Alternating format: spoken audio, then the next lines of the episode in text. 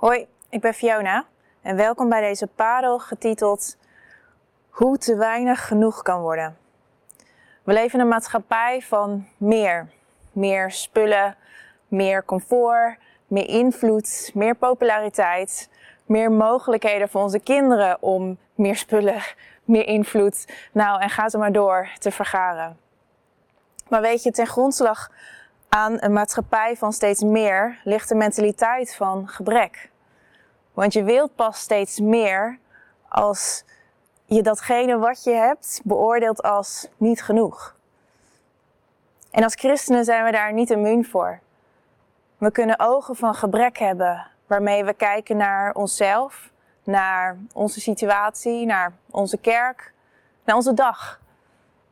Herken je dat? Dat je de dag al begint met gebrek. Dat als je wakker wordt en de eerste gedachte die je opkomt is: Oh, ik heb te weinig geslapen. Ik wil je graag meenemen um, naar een verhaal in 2 Koningen 4. Dus pak je Bijbel erbij als je dat kunt. En we stappen het verhaal in op het moment dat Elia het stokje heeft overgedragen aan Elisa. En het land politiek instabiel is, uh, omdat de leiders God niet gehoorzamen. En daarbovenop is ook nog eens een hongersnood.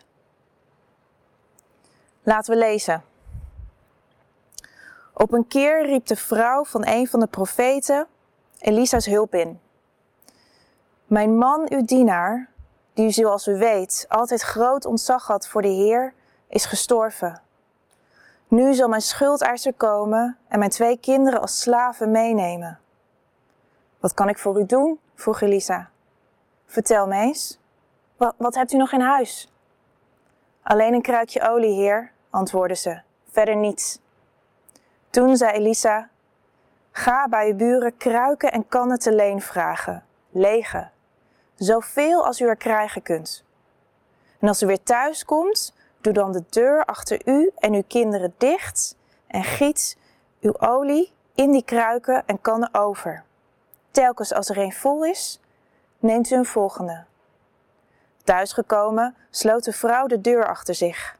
En terwijl haar kinderen haar de kruiken en kannen één voor één aangaven, goot ze de olie over. Toen ze allemaal vol waren en ze haar zoon vroeg haar de volgende aan te geven, antwoordde hij: Er zijn er geen meer. Toen hield de olie op te vloeien. De weduwe ging terug naar de godsman en vertelde hem wat er was gebeurd. Die olie moet u verkopen om uw schuld af te betalen, zei hij. En van wat er overblijft kunnen u en uw kinderen leven. Tot zover.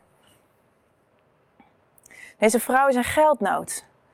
En zo erg dat de schuldheiser haar kinderen wil komen halen. Haar niet genoeg staat op het punt om rampzalige gevolgen te hebben voor haar meest dierbare. En dan vraagt Elisa haar: Wat heb je in huis? En in andere vertalingen kun je ook wel lezen dat ze eerst zegt: Helemaal niets, heer. En dan, ja, alleen een klein kruikje olie nog. En dan krijgt de weduwe de opdracht om dat ene beetje dat ze nog heeft, eigenlijk alles wat ze nog heeft naast haar kinderen, om dat uit te gieten, om dat los te laten, om, weet jij veel, misschien wel te verspillen. Want ja, van al dat overgieten, er blijft niks van over. Wat, wat heb jij in huis? Helemaal niets meer, Heer. Misschien nog een heel klein beetje vreugde. Misschien nog een heel klein beetje geduld. Misschien nog een heel klein beetje energie. Wat als ik jou vroeg om juist datgene waarin jij schaarste ervaart, om dat weg te geven? Wat voor gevoel roept dat bij je op? Of je tekort nu relatief of heel wezenlijk is, dat waar je weinig van hebt, daar klamp je je aan vast. Dat koester je. Je zet als het ware een streepje op dat kruikje. Zegt oké, tot hier en niet verder. dit heb ik voor mezelf nodig. Terwijl op de bodem van dat kruikje, dat is precies de plek waar God ons kan ontmoeten. Um, Priscilla Shirer heeft daar, een, heeft daar naam voor. Ze noemt het de God Margin. Daar waar ons kunnen eindigt En eigenlijk God in actie moet komen, want, want wij kunnen niet meer. En God komt ook in actie. Want deze weduwe, die houdt niet vast aan wat ze heeft, dat kleine beetje. Maar ze giet het uit en het wordt een overvloed. En zolang ze blijft gieten, blijft God het geven.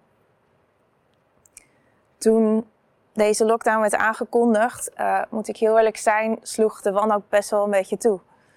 En niet alleen voor mezelf, maar des te meer nog voor de mensen waarin ik, uh, waarmee ik door mijn werk als huisarts mee in aanraking kom. Waarvan ik wist dat die toen al aan het einde van hun Latijn zaten.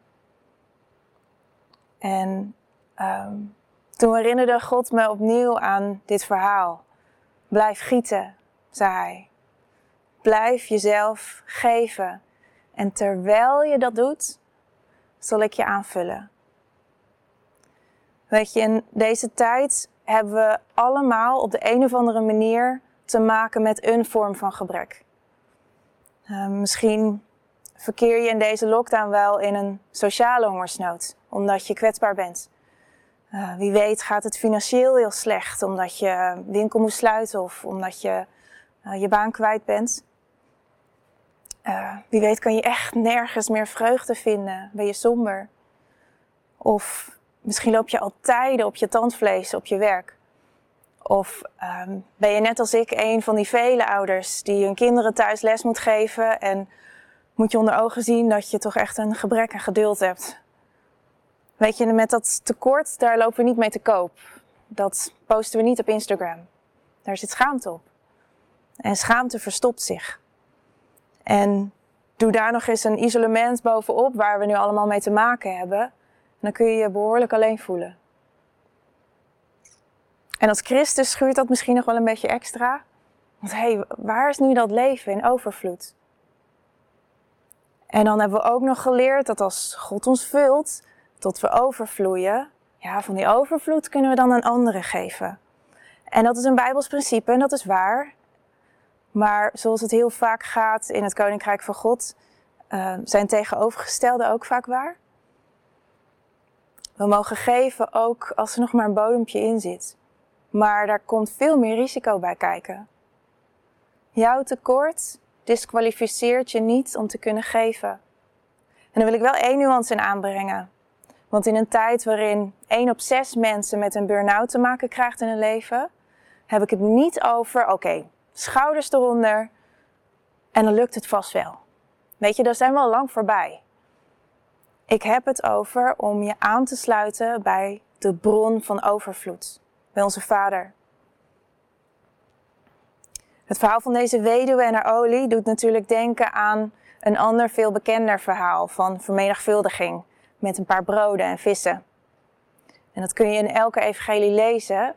En voorafgaand lees je hoe Jezus zijn ogen opslaat naar de hemel God dankt voor wat hij heeft en van daaruit uitdeelt. Zullen wij, te midden van ons gebrek en onze schaarste, zullen we anders bidden dan we misschien tot nu toe hebben gedaan? In plaats van Heer, geef me, nou in mijn geval, geduld. Zullen we onze ogen opslaan naar de hemel en bidden, Heer, dank u voor mijn geduld voor mijn kinderen. Zegen mijn geduld. Heer, dank u voor mijn financiën. Zegen mijn financiën. Heer, dank u voor mijn vreugde. Zegen mijn vreugde. Heer, dank u voor mijn geloof voor de toekomst. Zegen mijn geloof. En laten we geven, juist uit ons gebrek. En God de gelegenheid geven om ons aan te vullen daar we ons kunnen eindigt.